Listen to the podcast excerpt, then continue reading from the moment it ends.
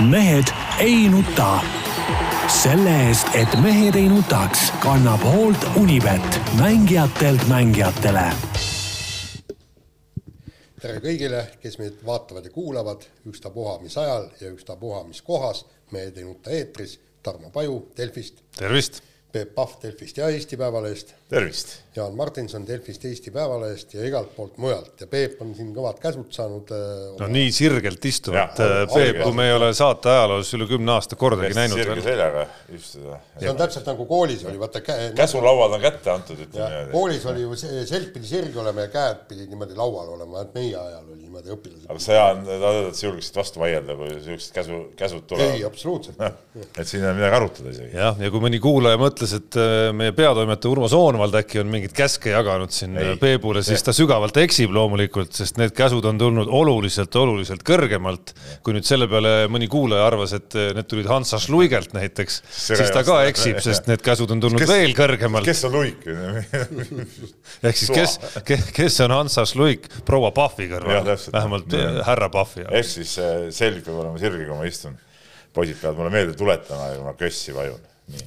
nii, mis südamel, noh, ütleme niimoodi, et ilm on mõnusalt jahedaks läinud, täna, täna tööle tulles tulid meelde sõjaajad Siberis. noh, seal oli muidugi nelikümmend kraadi külma, eks, et aga, aga see oli kuidagi nelikümmend kraadi on leebem kui siin kakskümmend pluss, et et noh, niisuguse mõnusa jaheduse võttis sisse ja kui sa sõjaväest rääkisid, siis täna koosolekul tuletati, tuletati ka meelde, et ega Jaan polegi siin mõned nädalad on jäänud, et et meestepäev on ka tulemas ehk Nõukogude armee ja sõjaväevastiku päev, kakskümmend kolm veebruar, et siis saame, saame pidutseda, ma loodan, et töökollektiiv peab meid ka meeles nagu, nagu veterane sel puhul. kindlasti. väga tore. Et ootame siis, et tuleme tööle ja meil on laua peal väiksed eh, surprise'id. oodake. jah, nii. no aga võiks ju olla tegelikult oleks minu arust ka, noh. See on palju pa- see toimetuses neid päris mehi siis ikka on tegelikult, noh, et see, see on suhteliselt käputäis meid seal. ja, ja noh, Nii. kõik on selge, tule kohale Vasaremmast ja ei no sa tead, ma käin iga päev kohal, et, et ei ole nagu probleemi. nii. ma oleks tahtnud võib-olla tervitada ja, ja natukene nõu anda, noh, see on küll tagantjärele tarkus nüüd, et ma tean, Koit Toome kuulab meid, vähemalt äh, kui ma siin paar aastat tagasi puutusin temaga ühe teise saate salvestusel kokku, siis, siis ta seda rääkis mulle. ehk siis tervitused Koit ja mis, mis jama on, kui ikka kõne tuleb, siis äh, võta pakkumine vastu, et äh, kultuuriministri kohta siis teatavasti ilmnes siin äh, vahepeal nädala jooksul pakuti Koit Toomele ühel hetkel siin, kui uut valitsust kokku pandi, et, et ei ole seal peljata midagi. ei, vastupidi, kiidan heaks. ütleme, mees suutis säilitada sirge selja, selgroo, ütleme, ei läinud mingisuguse poliitjuraga kaasa, sest et me teame kõik, et, et kes on täiesti normaalsed inimesed ja ma olen täiesti veendunud, et Koit Toome, Koit Toome on väga normaalne inimene, laulab ka eh, toredaid laule ja, ja muidu tore mees, eks ole et eh, poliitikasse minnes oleks muutunud igal juhul eh, kohe nagu ebameeldivaks. kust sa tead, äkki, äkki oleks mingit normaalsust viinud hoopis valitsus. ma ei tea veel ühtegi inimest, kes poliitikasse minnes oleks jäänud nagu endiseks, ehk siis ja normaalne. noh, ja teine küsimus, mis tekkis muidugi oli see, et muuseas, ma ise ma ei tea, kas ka, ka nüüd No no, sina- see- kes sai, sai Koit Toomase koha peal, no, no kena, tore mina tean, ma naisterahvas. ja ma olen kursis, et sa oled Pool- võlutud poolteist tundi Et- et... kabinetis meeldivat jutuajamist, no miks ka mitte. ja et proua Pahv äh, igaks juhuks äh, scrollige nüüd see koht üle, et ma olen ka kursis, et Peep tegelikult oli üsna lummatud ja võlutud sellest kohtumisest. ja see on ka põhjus, miks ta tagantjärele ütleb Koit Toomele, et hästi tegi, vastu, vastu ei võtnud. aga ma ei tea, kuidas teil, aga kas äh, ma küll vaatasin nagu ikkagi viimase nädala vastamata kõned igaks juhuks nagu telefonis üle, et et äkki, mine tea, äkki, äkki Ja mul oli mõni äkki mõni tundmatu number. number oli oli, ja, ja ja seal pakuti ka mingit ministri kohta. Tanel Kiige vastu. number mul on küll olemas, äkki pakuti mingit muud ministri kohta. ma ei võta, ei olnud ka vastu võtta, üks tundmatu number oli, ma tundmatule numbrile pärast tagasi ka ei helistagi, et noh, ju see läks mööda seekord. aga samas mul tekib, helistanud keegi muidugi. ei, ma, ei, ei absoluutselt. nii, aga, aga üks küsimus oli, et, et miks pakuti Koit Toomele kultuuri- ja spordiministri kohta, aga näiteks ei pakutud no Gerd Kanterile. miks mitte, miks peab, miks peab olema just niisugune kas, kas laulja või näitleja või, või ma ei tea, no tantsija Gerd või... Kanter no on, on Nordi spordidirektor, noh, ta ei saanud tulla. no tal on püsiv töökoht olemas, aga ma ei tea, kas Koit Toomil on, ega see laulmine praegu see on niisugune noh, on ja ei ole ka. no eks tal mingi OÜ on kindlasti olemas kes on palganud omakorda härra Koit Toome enda palgale kindel, kindel see. no see on ka kindel muidugi jah. aga, aga mis asja küsimuse sisu puudutab, siis selles mõttes ei ole, ma arvan, siin viriseda midagi, et Koit Toome on väga kõva spordihuviline, päris laia haardega kusjuures ja olgu siis harrastajana kuskil korvpalliväljakul või, või spordisõbrana kuskil ekraanide ääres, nii et ei, ma arvan, et ega ta paha minister ei oleks võib-olla olnud. Selles mõttes on nagu see mitmekülgsus olemas täiesti. noh, ma arvan, et Gerd Kanter oskab ka laulda ja tantsida vajadusel isegi mina oskan laulda, nagu te teate. no vot, nii et äkki helistad tagasi ikkagi sellele numbrile igaks juhuks. ja muuseas, ma olen ju töötanud Vasalemma äh, rahvamaja juhatajana no sul on juhtimiskogemus ka igatpidi olemas. kultuurivaldkonna juhtimiskogemus on täiesti olemas. üheksakümne, äh, ma ei mäleta, teisest või kolmandast aastast mul on tunne, Peep, et see kõne ükskord tuleb ikkagi, et, et kui me vaatame nüüd kümne või viieteistkümne aasta perspektiivis, siis küllap ikkagi Eesti selle aja tulevikus on hetki, kus EKRE jälle on valitsuses, et ma ei välistaks üldse, et see kõne ühel hetkel tuleb. ei no vot siis, no seal nagu ütleme jah, terve mõistus, ütleme, pääseks võimule, siis, siis küll. siis, siis sa võta, siis sa võtaks ka tundmatud kõned vastu ja, ja helistad tagasi. nii, nii., aga lähme nüüd teemadega teemade juurde sporti. ja sporti ja, ja siis millegipärast see minu sissejuhatus äh, sellesse teemasse oli Tarmo poolt. kas sa ise, iseenda kohta kirjutasid niimoodi või? ei, tähendab, mina kirjutasin niimoodi, et, et äh, järjekordne märk Eesti korvpalli aastatepikkusest allakäigust, sest kui äh, kui üheksakümnendatel oli AKSK võitmine täiesti tavapärane. üheksakümnendatel muidugi ei olnud, vaid üheksakümnendate alguses.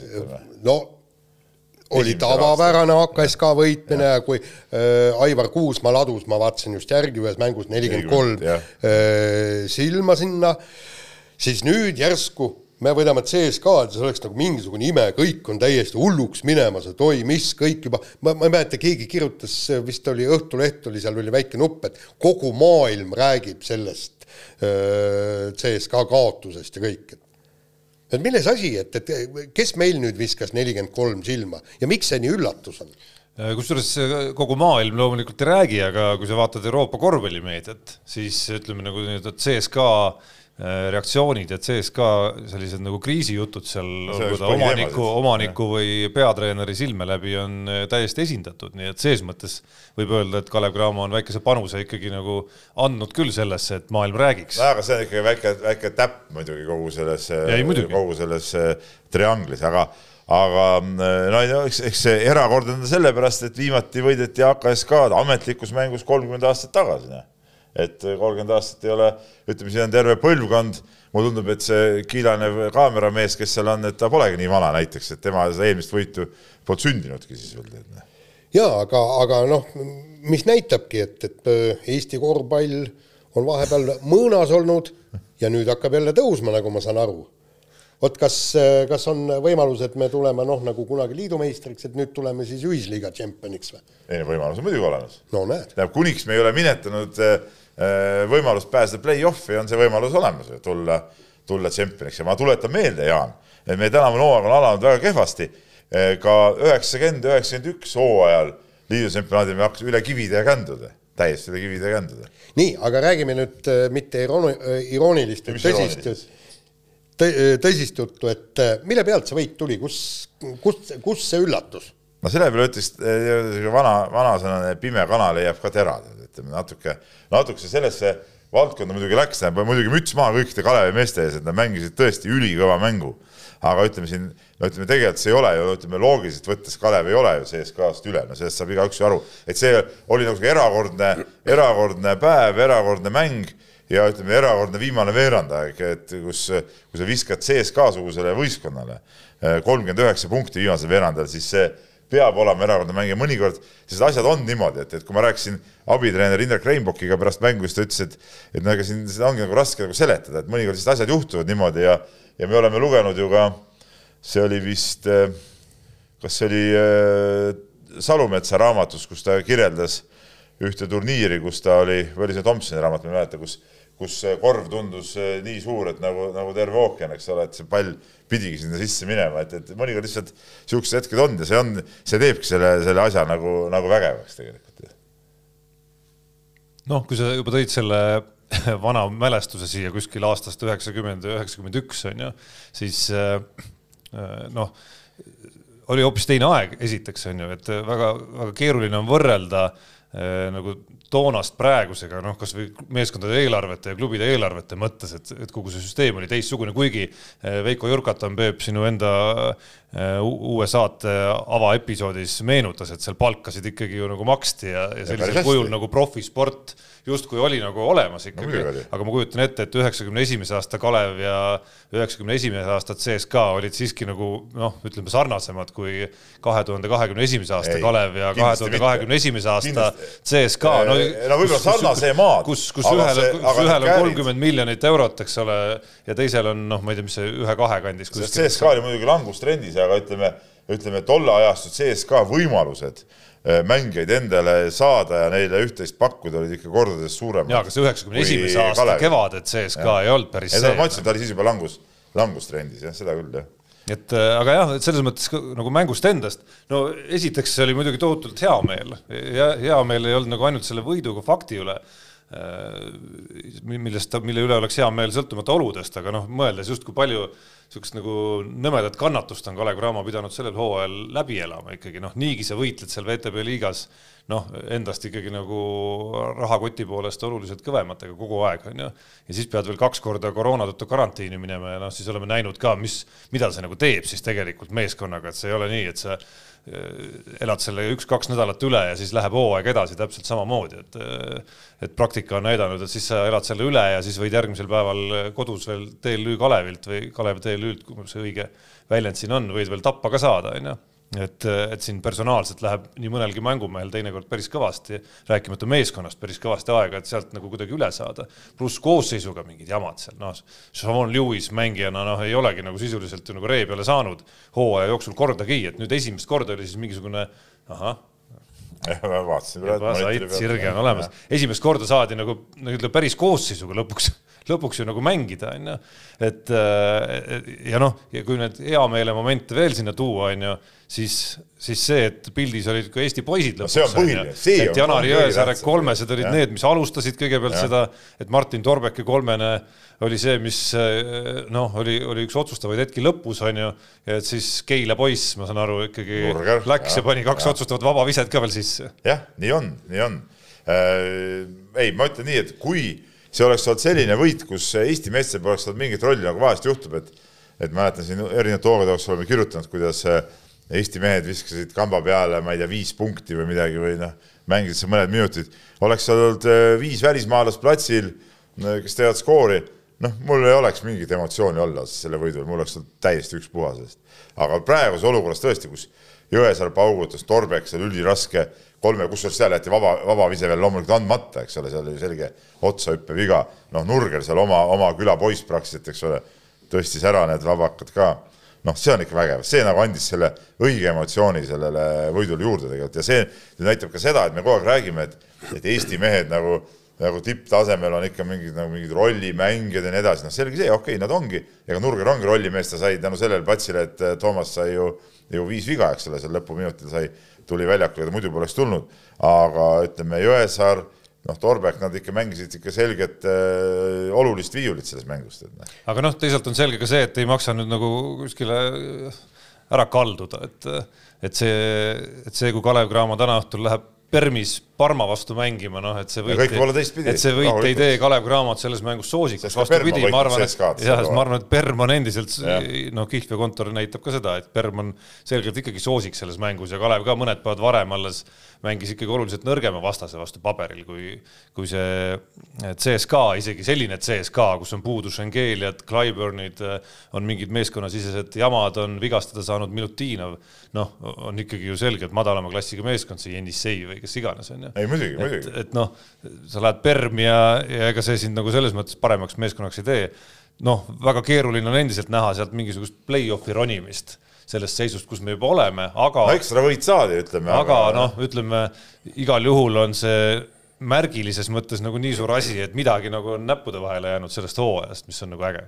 no ja põhiline ongi see, et, et mehed nagu näitasid, et tegelikult nad on võimelised mängima ja noh, et okei okay,, loomulikult iga päev sellist taset näit-, näidata nad ei suuda, et noh, neil see, see ongi nagu see klassiga mängijate vahe, kes suudavad nagu stabiilselt niisugust head mängu näidata ja on niisugused mängijad, kes suudavad aeg-ajalt näidata.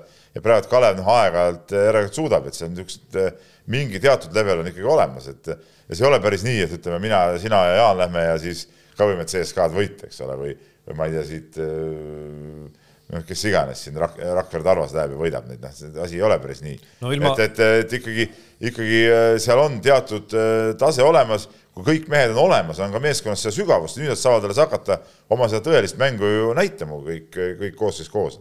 no ilma, et ma oleks lähemalt vaadanud, ma ei ole kindel, kas Kalev kas või Eesti-Läti liigas mõnes kohtumises on kolmkümmend üheksa punkti ühe veerandajaga visanud. seda on igal juhul väga palju, seda on igal juhul väga palju. et seda on väga palju ja ma arvan, et seda VTB liigas kindlasti ei juhtu. see on siis neli punkti minutis ju noh et, et noh, seal tuli raudselt see korv on ookean nagu ja, hetk ja, mingis ja. mõttes, mingis ülekantud tähenduses, kus asjad hakkasid lihtsalt õnnestuma ja õnnestuma ja õnnestuma ja siis ühel hetkel õnnestusid ka, noh, Jõesaare kohad olid tegelikult ju nagu kenasti välja mängitud kohad alguses, mis ta ära viskas. mingi hetk hakkasid ka need ülekäevisked minema, mille kohta kommentaatorid veel viske ajal juba jõudsid öelda ja mõelda, et, et kuule, oot-oot-oot, pea nüüd hoogu, onju. Mhm. aga siis hakkasid need sisse minema, et seda ilmselgelt ei juhtu alati ja mis, mis oli veel selle, mis oli selle viimase veerandaja üks eduvõti, oli see, et äh, Kiin, äh, kes on noh, teatud tuntud suhteliselt nagu äh, isekas mängija, et, et kui ta nägi, et seal Jõesaarel läks hästi, no Kemp pani seal korralikke, korralikke sooritusi, et ta siiski nagu ta ei, ei peljanud seda, et ta jääb ise nende meeste varju ja hakkab mingisugust päris hullu ajama, seal mingi üks-kaks asjat võttis muidugi, mis ei olnud päris mõistlikud. et ta ikkagi seda palli nagu jagas ja, ja, ja mängis ikkagi nagu äh, enda kohta ikkagi väga meeskondlikult just selle, selle lõpuosa ka, et see oli, see oli, ma arvan, üks selle edu, edu aluseid üldse. Et noh, põhiline, mida tahaks lihtsalt loota, on, et, et Eesti poistel kuidagi kandub see asi, kandub see asi nagu sinna Permi mulli lõpuks nagu edasi, et, et, et mingi väikese annuse said sealt äh, Jõesaar kasvõi, kes on väga hüplikult mänginud nüüd Kalev Cramosse tagasi tulles, noh, eks, eks see hüplikkus on võib-olla seotud ka sellega, et see meeskonna enda asi on käinud üles-alla seal kogu aeg, on ju. Et, et needsamad Nurgerid, Torbekid, Jõesaared, kes äh, justkui said nagu näppude vahele midagi sellest enda jaoks ka, et, et sellest on lõpuks Permis kasu. no võiks olla kasu, nüüd sa räägid Permis kui koondise mullis, eks ole, aga kõigepealt tuleb kaks mängu seal Permis mängida VTB-d, sõita koju, sõita jääda. uuesti sinna tagasi, et äh, noh, see, me ei saa nagu seda üle kanda, kindlasti ei, me ei me oleks, oleks nagu totter loota, et nüüd, nüüd nii ongi, nüüd vennad võtavadki ja panevadki kõik kogu aeg sisse ja ja teevad seda mängu, et, et nii, nii lihtne see asi ei ole. mis sama näpuga siin vehkled? Järgmine te teema, paluks. no järgmise teemana on meil äh, luubi all kergeatleetika.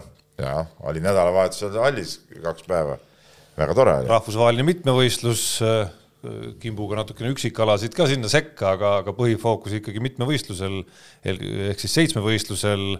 Risto Lillemets näitas taset ja Hans Christian Hausenberg äh, noh, ei näidanud taset. no ma tegelikult enne tuleksin ikkagi just nende üksikalade juurde, et tegelikult seal ju püstitati äh, Eesti rekord ka äh, Karl-Erik Nazarovi poolt kuuekümne meetri tõkkejooksus ja, ja naiste kuuskümmend tõkked oli, oli väga tihe ja ütleme, seal oli nagu toredaid, toredaid hetki oli nendel ka, et, et, et, et kuidagi see, kuidas ma ütlen, et see, see mingi noorema põlvkonna või, või mingi võib-olla ka, võib-olla tuleb see vähesest võistlemisest või kuidagi nad on hästi treenida ja, ja ütleme nagu mingit niisugust nagu värskeid tuuli natuke, noh, see ei ole ju mingisugune ime, mingi tipptase, ma mõtlen nagu maailma või Euroopa mõistes, aga ütleme Eesti enda mõistes on nagu näha, et kergejõustikus nagu mingid üksikud äh, alad ja üksikud sportlased hakkavad nagu üles tulema, kelle peale võib-olla aasta-kaks tagasi nagu väga ei mõelnud, kui võtame sama see Diana Suumann näiteks, kes tõkkejooksus on nüüd nii, nii napilt seal äh, rekordit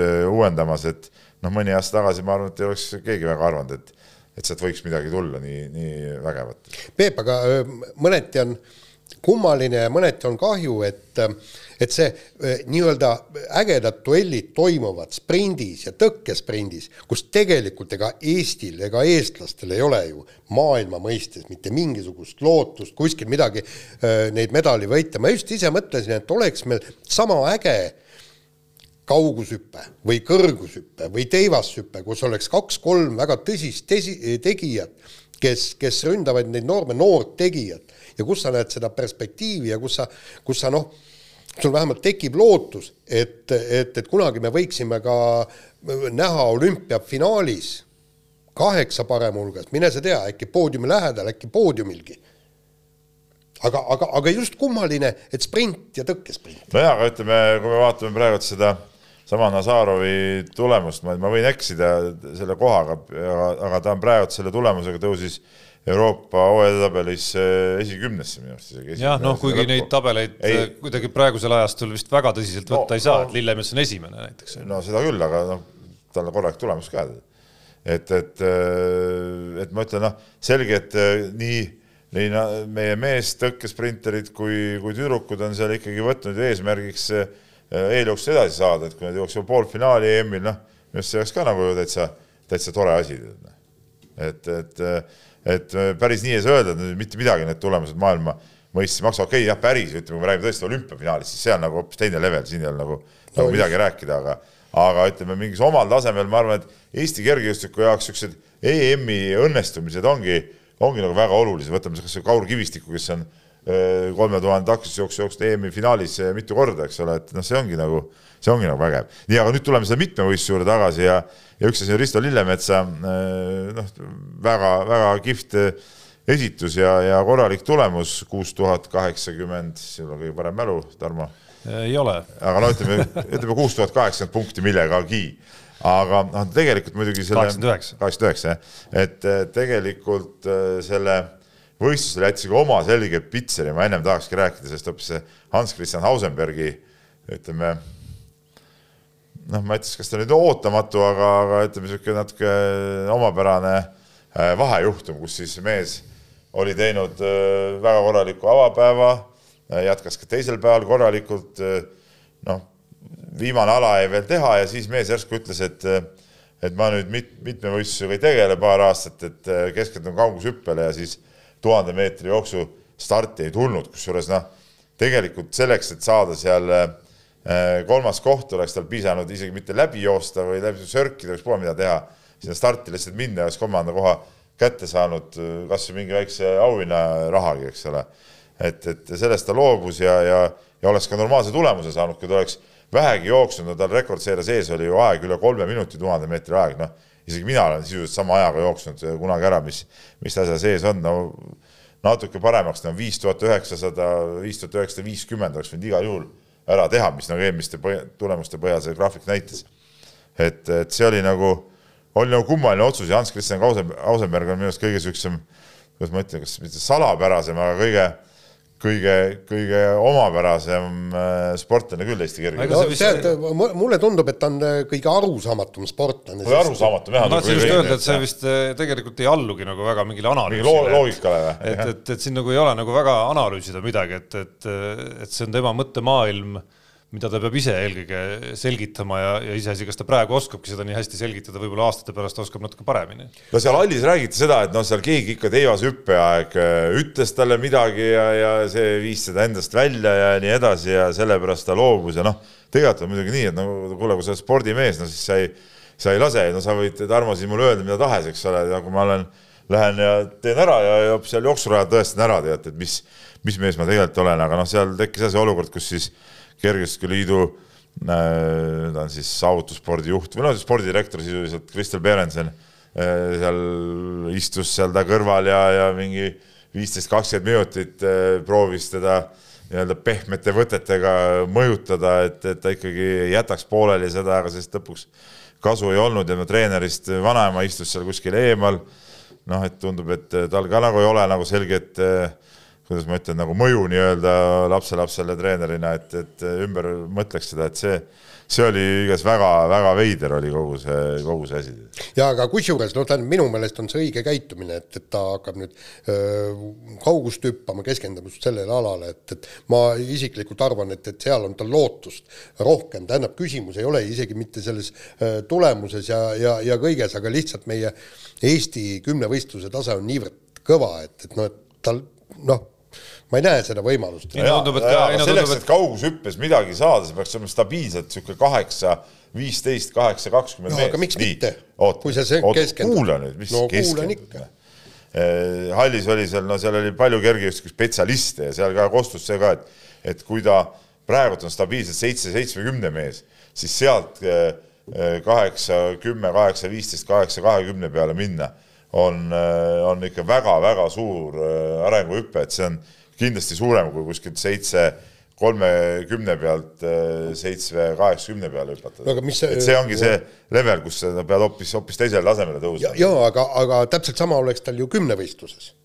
et me ikkagi räägime, et me tegelikult ju ei teagi, mis ta see kümnevõistluse tase tegelikult oleks olnud, kui ta pole ju seda kümnevõistlusega seitsmevõistlust kordagi korralikult lõpuni teinud. no me räägime ikkagi kaheksa, kolm, kaheksa, neli. seegi see, et ta on niisugune esimese päeva, noh, no kaheksa, kolm, kaheksa, neli, noh no palju meil neid mehi on siis? kus sa ei, selle ei, potentsiaali nüüd nii julgelt kohe ei, sinna okay, nagu... ei, ei, ma, ei, see ei ole potentsiaal, ma ütlen, et kaheksa-neli on tulemus, millega sa võid, oled ju igal pool tehtud mees. no ei, aga ma ütlengi, et, et ja, sinna saad sama palju maad ju, kui kaugushüppe, seda ma just räägingi, seda ma just räägingi et, et äh, minu meelest on isegi lihtsam, hüpaku kas või kaheksa-kümme ära, kaheksa-üksteist, Eesti rekord vähemalt, sa oled märgi maha jätnud. no lihtsalt ei ole seal midagi.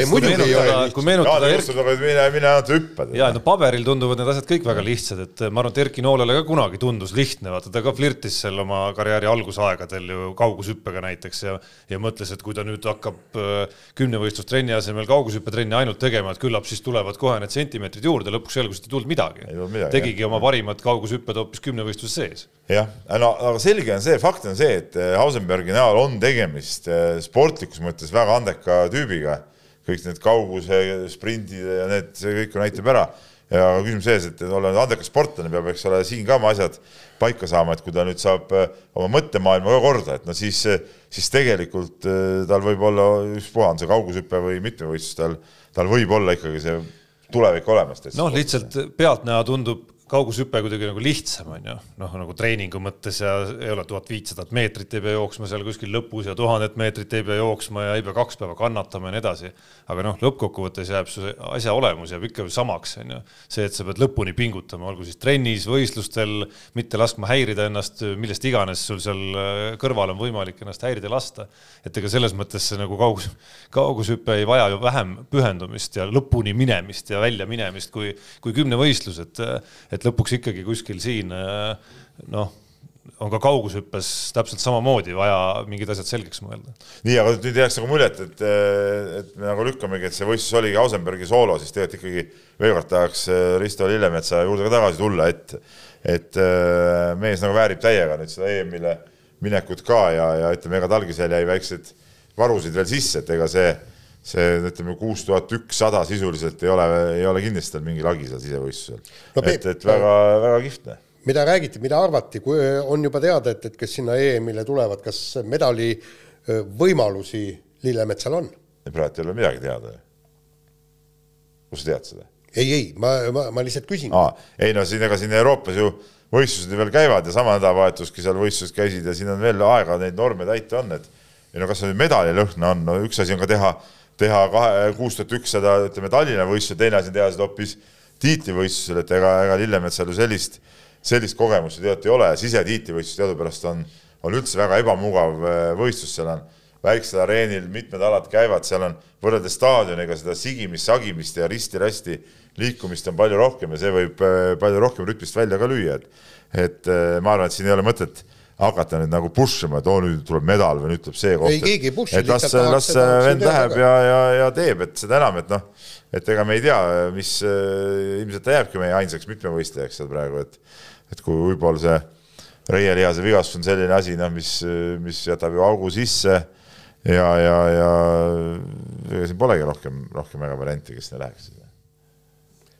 nii, aga, aga lähme edasi ja ja Jaan, ma tean, et oli täna öösel üleval, ma tunnistan ausalt, ma Kanepi mängu ei vaadanud, esimese asjana hommikul ärgates küll vaatasin, kuidas äh, tulemused, seisud on ja ja kui Kontaveit mängis, siis ma sõitsin äh, tööle, hoidsin ka seisul lihtsalt silma peal.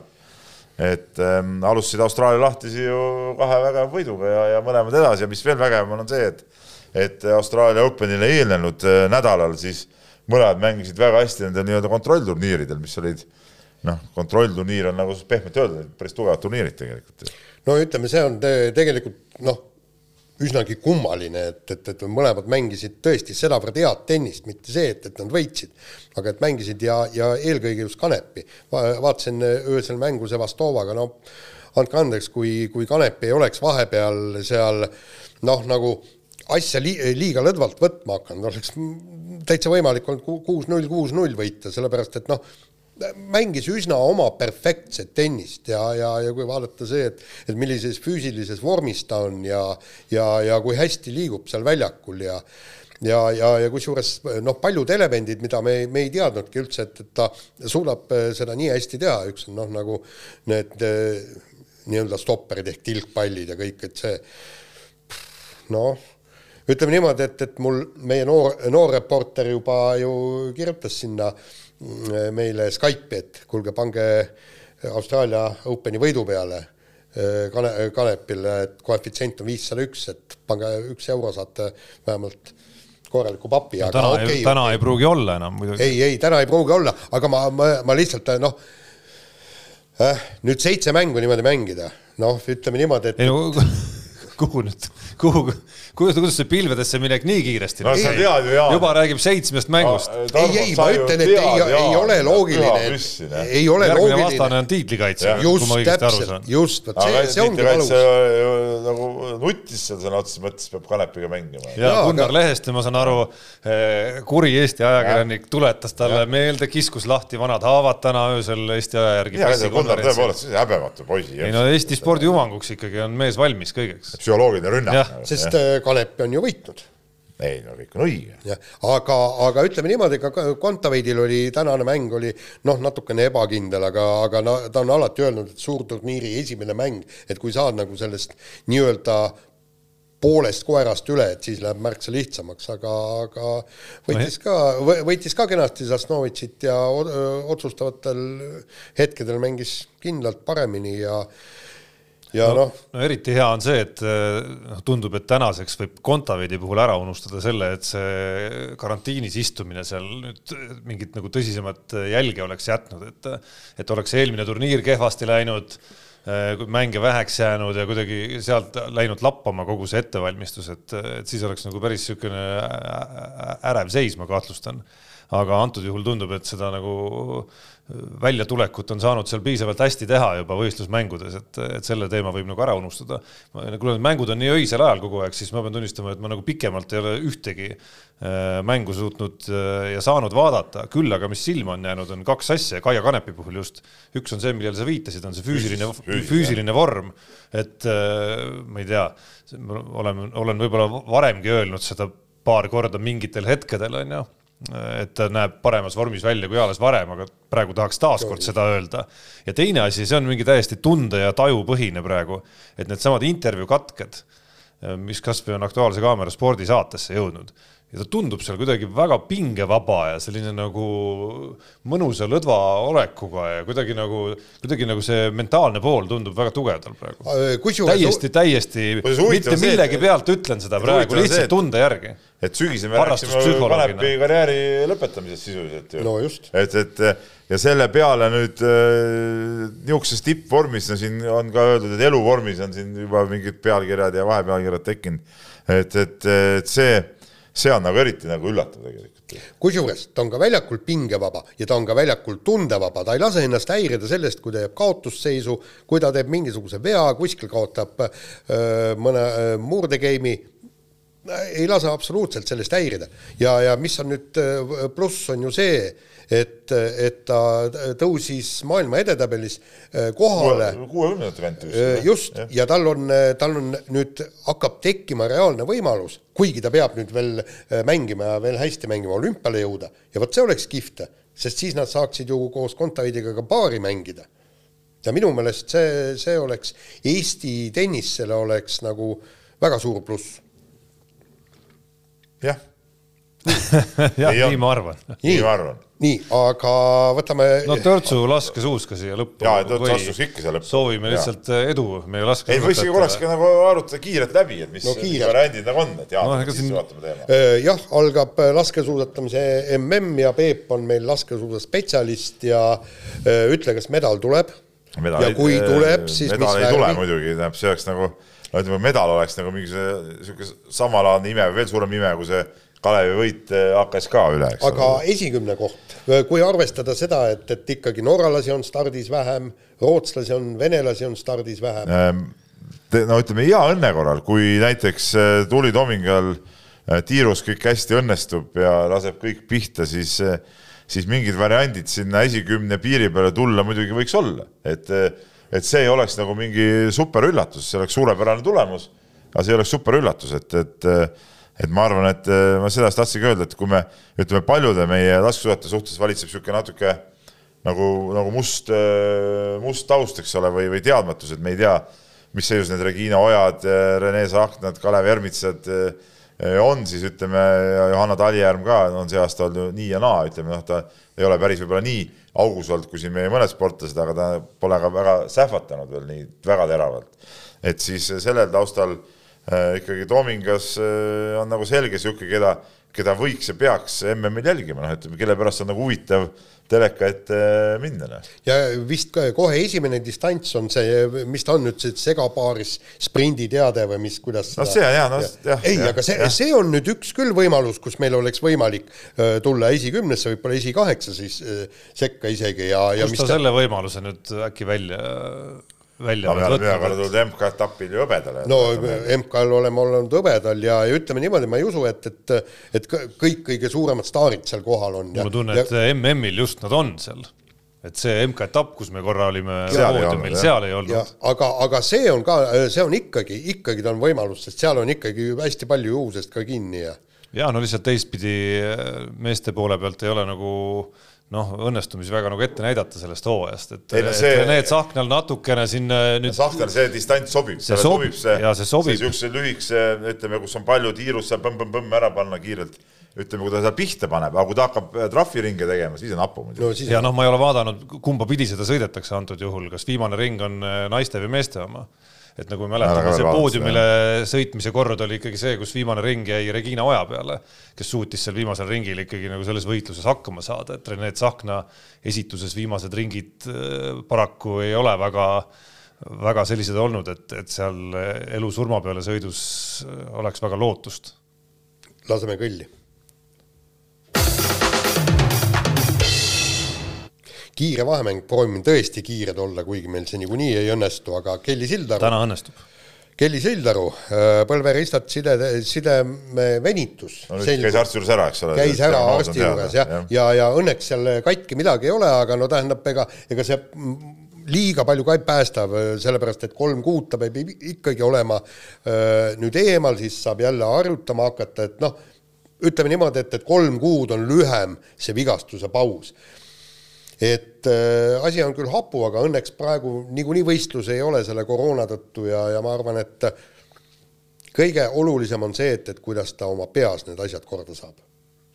jah, see on äh, põhiküsimus nagu, et, et kas ta äh, noh, iga niisugune vigastus niisuguse spordiala, kus on palju hüppeid ja keerulisi trikke ja niigi see on nagu vaimselt raske võib-olla neid hüppeid sooritada. ja kui sa tead, sa oled paar korda juba ma olen põlve vigastanud ja see võib nagu lõpuks nagu kehvasti ka lõppeda, et, et, et äh, see nagu võib tekitada niisugust vaimset survet just, et, et kas sa tahad äh, üldse neid mingeid keerulisemaid trikke õppida, nagu me siin ükskord ka rääkisime, et võib-olla selleks polegi otseselt vajadust.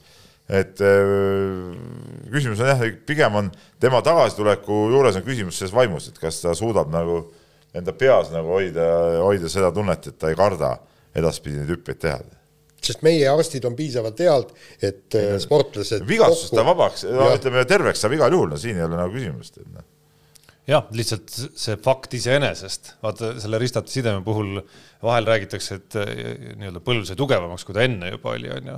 aga noh, nüüd on olemas nagu, nagu kinnitus, et sai uuesti viga ikkagi.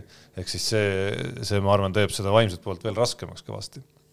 aga hüppame teisele teemale, hüppame korvpalli juurde polegi saanud ammu rääkida. Kalevi teemast on juba möödas nii palju, nii palju aega siin saates, aga äh, kas tõesti on Henri Trell Itaalias tegijaks saanud või saamas? no praegult on tal küll äh, mängud väga hästi välja tulnud, et vähemalt niisugusel äh, laineharja perioodil ta praegult on ja ja, ja tegelikult selles suhtes ma võtan Henri ees küll nagu mütsi maha, et see hooaja algus, mis oli, oli ta tema jaoks väga keeruline, kui ta nagu eriti ei saanudki mängida ja siis olid jutud, et kuhu nagu hoopis äh, minna nagu ära sealt klubist, kus saaks, mõnda nõrgemasse klubisse, kus saaks mängida ja nii edasi. et ta see kannatas kõik ära ja, ja, ja suutis ennast ilmselgelt nagu trennis äh, ikkagi tõestada ja, ja nende mängudega ka, et ta väärib seda mänguaega, et see treener on ikkagi selline, et ta niisama kedagi sinna platsile ei pane ja, ja, ja lõpuks ta trelli valis ja pani ja, ja ta on nii-öelda nagu vanasti öeldi usaldust õigustanud. no et enam ei ole need mingid nagu noormängija minutid seal. jah, et need olid korralikud, korralikud minutid, et, et siin käivad võidu peale mängud ja, ja ta mängib minuteid, olles seal plussis tihti oma ja. minutite ajal ja nii edasi. ja noh, minutid on ikka suht suured, kui ütleme seal kahekümne minuti peale või kakskümmend pluss minutit juba, need on ikka väga suured minutid. et siin pole midagi rääkida. nii, aga küll aga mulle nagu meeldis väga äh, Rene Teppani äh, kuskil intervjuus ta ütles, kas see oli siis võrkpalli podcast'is või, või kus, kus see, kus see jutuks tuli et äh, ütles Rene Teppan, siis Eesti üks parimaid võrkpallureid niimoodi meediaga suhtlemisest oli siis juttu, ta ütles, et selgrooga vendi jääb üha vähemaks, tihti käib mõttetu heietamine. Ja noh, tegelikult äh, ma nagu ajakirjanikuna olen seda küll tähele pannud, et mida aeg edasi, mida rohkem need uued põlvkond välja tulevad, peale tulevad, seda keerulisem on nendega intervjuusid äh, teha, sest et ega niisugust äh, nagu me omal ajal mäletame siin, ütleme noh, Tarmoga siin ka korvpalluritega on räägitud ja noh, niisugust nagu inimesed nagu räägivad ikka mingit normaalset juttu ja mingit emotsiooni ja asja, et seda jääb ikka aina vähemaks ja, ja aina rohkem on niisuguseid trafaretseid äh, tühje lauseid, mida öeldakse peale mänge, äh, ütleme mängude eel, ütleme, see kõik nagu see, see niisugune sära ja, ja pinge ja särts on nagu nendest äh, tänapäeva sportlaste intervjuudest kadumas.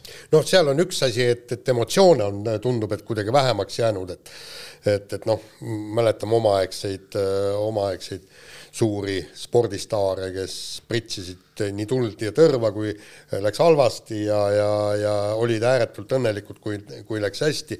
aga teine asi on ju see, et, et ega, ega meie ei tahagi ju noh, okei okay,, andke meile üks pealkiri ka, eks, mõni niisugune hea lause on ju, eks, pealkirjaks, aga tegelikult tahaks korralikku analüüsi, aga tõesti, noh, nagu me oleme siin saates enne ka ju rääkinud, et mitte seda, et, et miks te kaotasite, sellepärast nemad viskasid sisse, meie ei visanud ja see, see on nüüd ja, ja noh, nii palju võiks ju seda mõistust olla, et sa suudad ka kohe pärast mängu, ikka viiekümne minuti pärast, suudad nagu kuidagi kokku võtta, et mis seal platsil tegelikult toimus.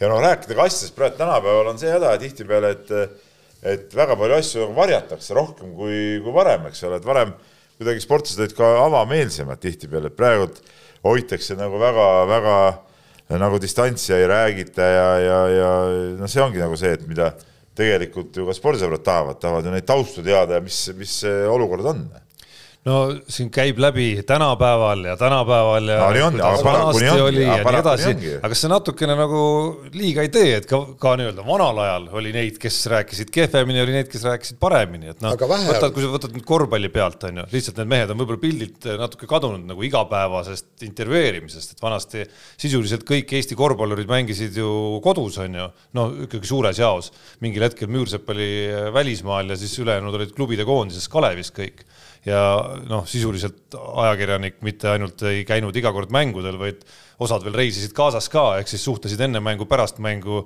ma ei tea, mängu ajal päris võib-olla mitte, on ju. et, et noh, kui sa nüüd täna vaatad neid vendi, nagu ma ei tea, seesama Henri Trell, kellest me just rääkisime, või Gerg Riisa, ma küll ei saa öelda, et nendel mehel nagu käiks mõttetu heietamine, kui siin Rene, Rene Teppani väljendit kasutada täitsa korralik, täiesti korralik selgrooga andmine käib ka verbaalselt. loomulikult on, on ka erandeid, aga üldine, me räägime nagu üldisest tendentsist ja, ja peab Rene Teppaniga igal juhul nõustun, vaata Tarmo, sinul on see, sul on, sul on see, et sina ei tegele enam nende asjadega. ei no ma lugejana loen no, seda rohkem kusjuures. no eks seal selle siis tulevadki siin ütleme ka siuksed äh, asjad juurde, kus peadki natuke siin välja imema ka mingeid mingeid, mingeid särtsu sinna juurde, et oleks üldse no, loetav see asi. et minu arust nagu põhitendentsina hakkab võib-olla lihtsalt silma see, et, et paljud ei pea nii väga vajalikuks seda meedia poolt enam, et on enda sotsmeedia, on enda fännid on pigem see, et ma parem väldin neid küsimusi, mis võivad vahel ka ebamugavad olla no,, kui, kui võistlusel on halvasti läinud ja et see on, ma arvan, see pool, mis on nagu trendina noh, noh, tegelikult ka ütleme, meediatarbijana ikkagi nagu häirivam, et ega sa oma sotsiaalmeedias väga tihti ei hakka seal ikkagi nagu enda jaoks negatiivseid asju võib-olla, võib-olla seal väga analüüsima, kasvõi nagu me mäletame Rein Taaramäed oma blogis näiteks on ju, mis on üks, üks minu arust üks ägedamaid ja legendaarsemaid asju viimasest paarist aastakümnest Eesti spordis. ja, aga võib-olla on äh, seal ka ajakirjanikud natukene tähendab, võib-olla isegi mitte ajakirjanikud, vaid ajakirjandus on selles süüdi. ma mäletan neid aegu, kui meil oli aega käia treen-, vaatamas treeninguid, sportlasega suhtlemas ja kõik, et ei olnud seda nagu nii-öelda online pinget ja sul, sul ei pidanud sul oli sportlastega, sul oli parem kontakt, see on nagu selge, et Just. vana, ütleme, jälle ma ütlen, vana, vanasti ütleme, oli sul sportlastega, oligi see kontakt oli parem tänapäeval nende noorte põlvkonnaga nagunii ja võib-olla Jaan on ka see küsimus. no aga see, kas, kas ei ole, kas ma just, kas ja. ei ole ikkagi see, et, et ka see kontakt on nagu ka teiselt poolt jäänud kehvemaks, noh, ükskõik, kas on ealiselt või, või seal on mingid, mingid sest, muud põhjused. sest taga. näiteks mul on väga head näited, et, et mina, kes ma ei olnud kergejõustiku ajakirjanik, ometi ma käisin näiteks Gerd Kanteri treeninguid vaatamas, noh, vähemalt kord, võib-olla isegi kaks korda aastas ja mingit lugu tegemas ja, ja, ja lähedki, et ma, ma tulen, vaatan treeningut, vaatan, mis seal saab.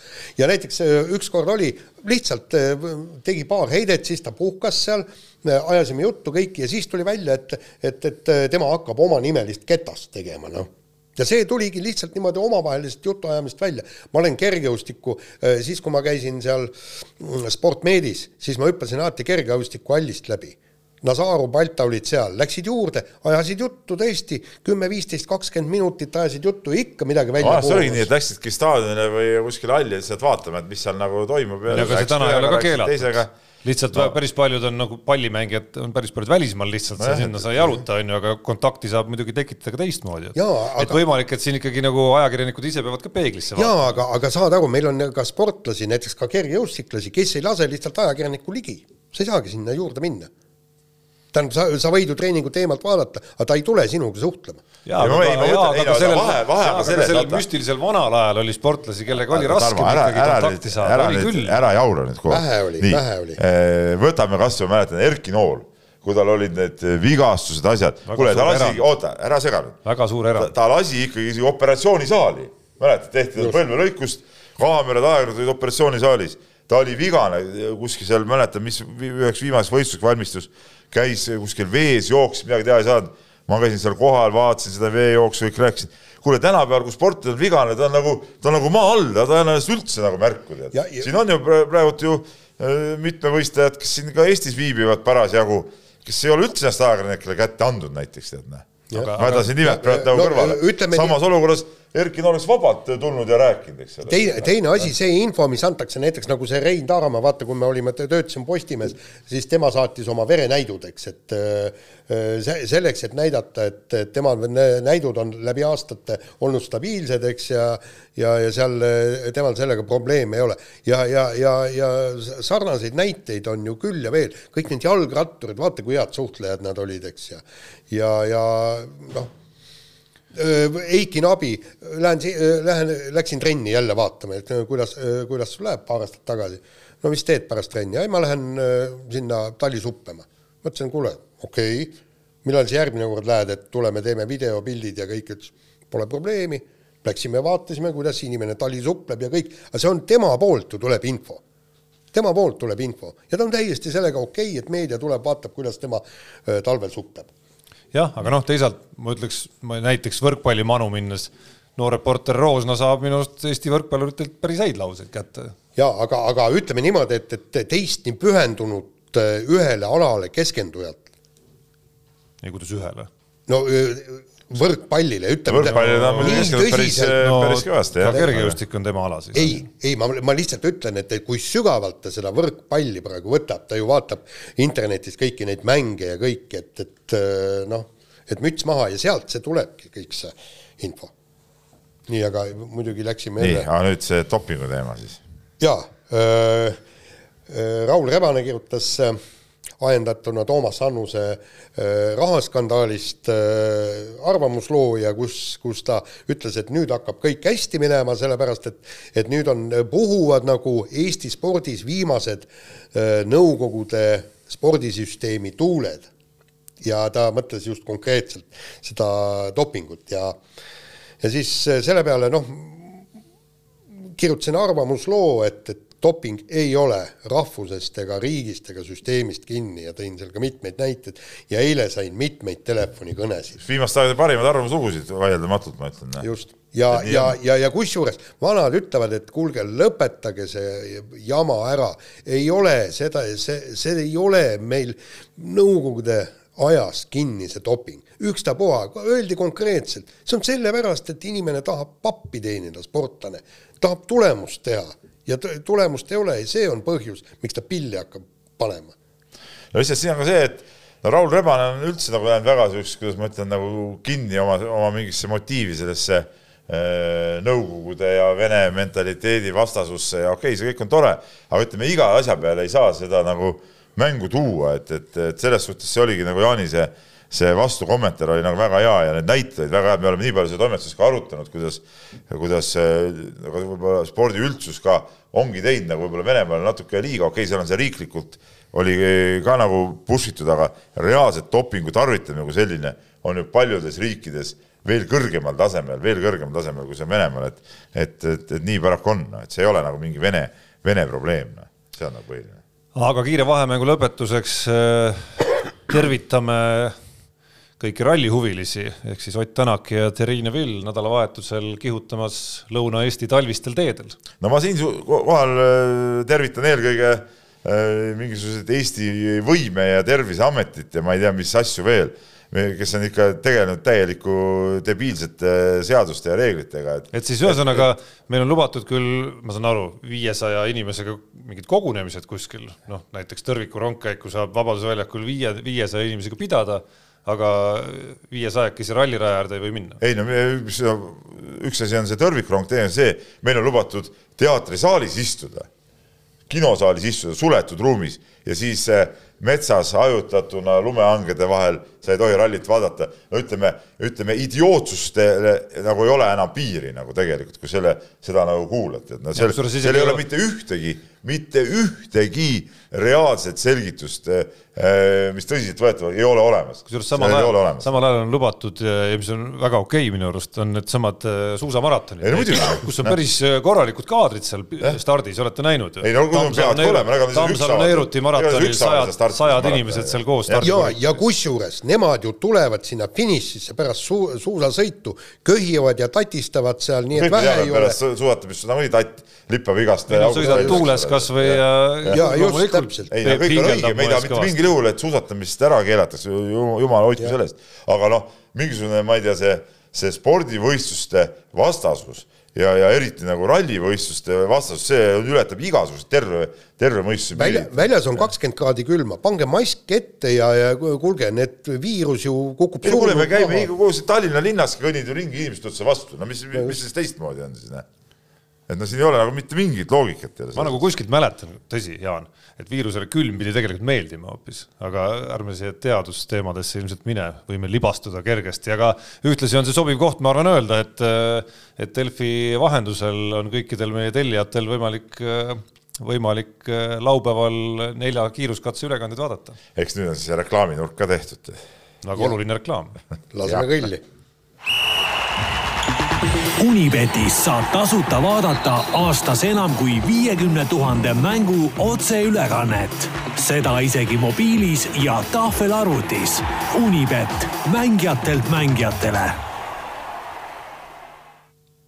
kusjuures, kui siin reklaamimiseks läks juba, siis äh, ma, ma ei saa ütlemata jätta, et äh, täna hommikul hakkasin äh, mõistatama, et kust ma varajastel tundidel võiksin Australian Openi matše siis nagu päriselt vaadata, onju. eurosport näitab. et ei no eurosport, sul peab olema eurosport player, eks ole, kus sa näed neid kõiki. kõik jaa, muidu eurosport kannab. et ma mõtlen nagu noh, Eesti mängijate mängud seal noh, avaringides eriti väga tihti nagu ei ole, onju. ma saan aru, et ajakirjanikel on seal mingid omad süsteemid, mingid meediaportaalid, kus siis saate ka ligi kõikidele mängudele, aga tavavaatajal neid ju ei ole.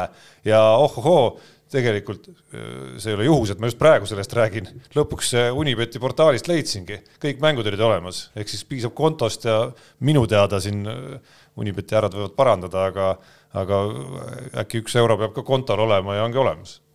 ühesõnaga, sealt ma lõpuks leidsin selle, kuidas aga läks meie ennustamine? Äh, minu seis on stabiilne, mul noh mis see tähendab? ei no see tähendab seda, ma ei ole panuseid pannud no. väga peene nimega üritasin, üritas no väljendada aga seda on ju, seis on see stabiilne. oli väga stabiilne, Peebul on ka stabiilne. ma ütlen nii, ma ei ole miinust teeninud. ja no väga super teeninud, ja et no siis, nagu siis teil läks nädal kõige paremini, sest, sest ma siiski viimasel hetkel olin kohusetundlik ainsana sellest meie kolmikust ja ikkagi täna hommikul äh, panin ühe imeväikese panuse Anett Kontavidi vastu. Aga õnneks üllatust ei juhtunud, aga sellest rahast mul loomulikult ka kahju ei aga ole. natuke häbi on ka või? ei ole. no natuke võiks ikka olla. sinul võiks olla häbi, kes sa Ei. lihtsalt äh, ei Ei, aga ennusta ega ennusta. ei, no mis asja, ma eh, tihtipeale kuulan seda äh, ühe teise äh, kihlveokontori podcast'i, kus jalgpallurid räägivad ja seal tihtipeale käib läbi see Tarmo Rüütli legendaarne lause, et parem targalt seista kui lollilt joosta või kuidagi niimoodi see oli, et noh, praegu ma olen kasutanud seda taktikat, tead noh. No hetkel ma olen jooksnud vähemalt teist paremini, kui te seisnud, nii et no. kõik on korras aga see häbi on see, et sa panid oma sportlase vastu. see on, mis puudutab nagu- panustamist läbi aegade, on see olnud üks kõige edukamaid strateegiaid üldse aga. see on häbiväärne tegevus lihtsalt, noh. Peep, kirjad? Läheme kirjade juurde ja, ja äh, teeme nii, et Jaan, sa ei köhi siin, eks ole, ruumis. Andris kirjutab meile. tere taas, et kui Pärnu korvpallimeeskond võidab sel aastal Eesti meistriliiga, kas nad saavad automaatselt õiguse osaleda Euroopa meistrite liigas ja kas Pärnu peaks oma eelarve juures sinna minema? no Euroopa meistrite liigas äh, automaatset osalemist nad äh, kindlasti ei saa, et siin käib küsimus praegu selles, et et nad saaks selles kõige madalamas eurosarjas ringi ei saaks või?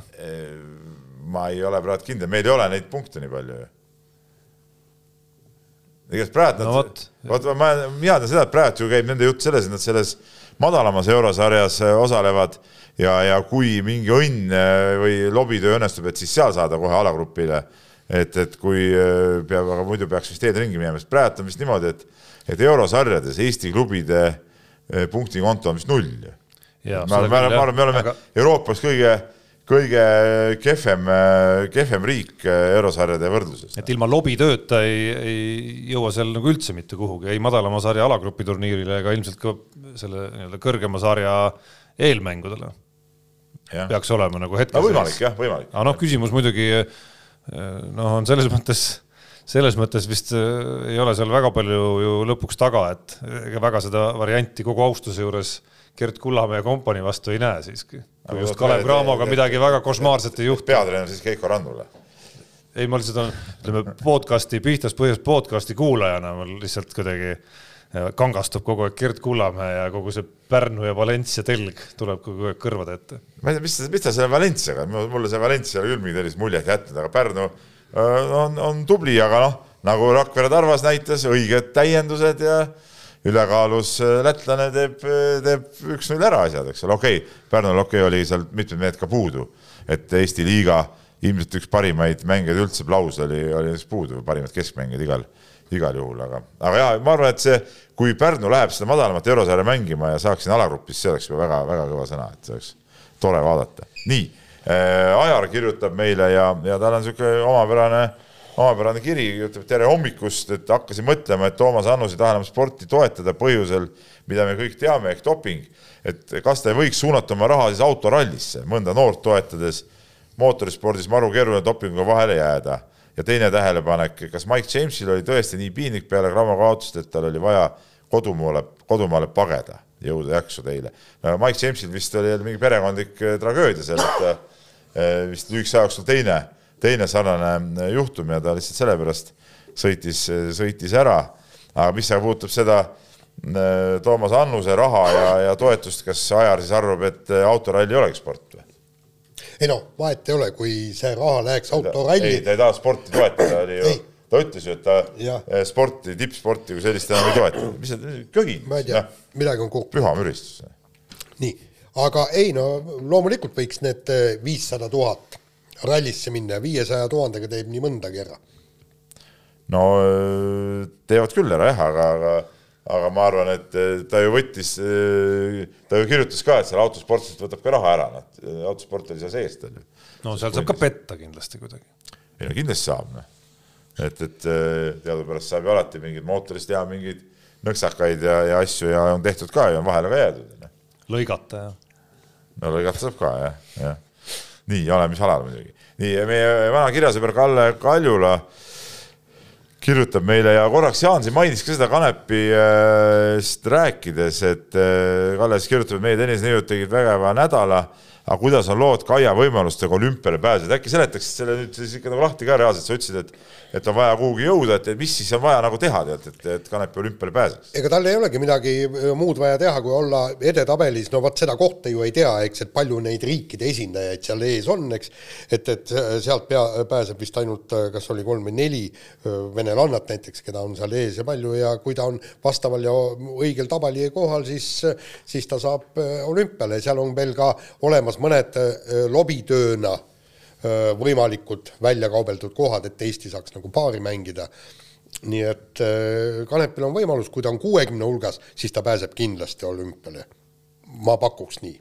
nii, meile üks hea kiri tuli Leopoldilt ka, aga ma luban, me vastame sellele järgmine, järgmine nädal, noh kirju oli siin üldse muidugi palju, aga, aga kõiki lihtsalt ei jõua ette võtta. sellepärast, et me lobiseme vahepeal liiga palju, aga sellega on saade läbi ja kuulake meid järgmisel korral.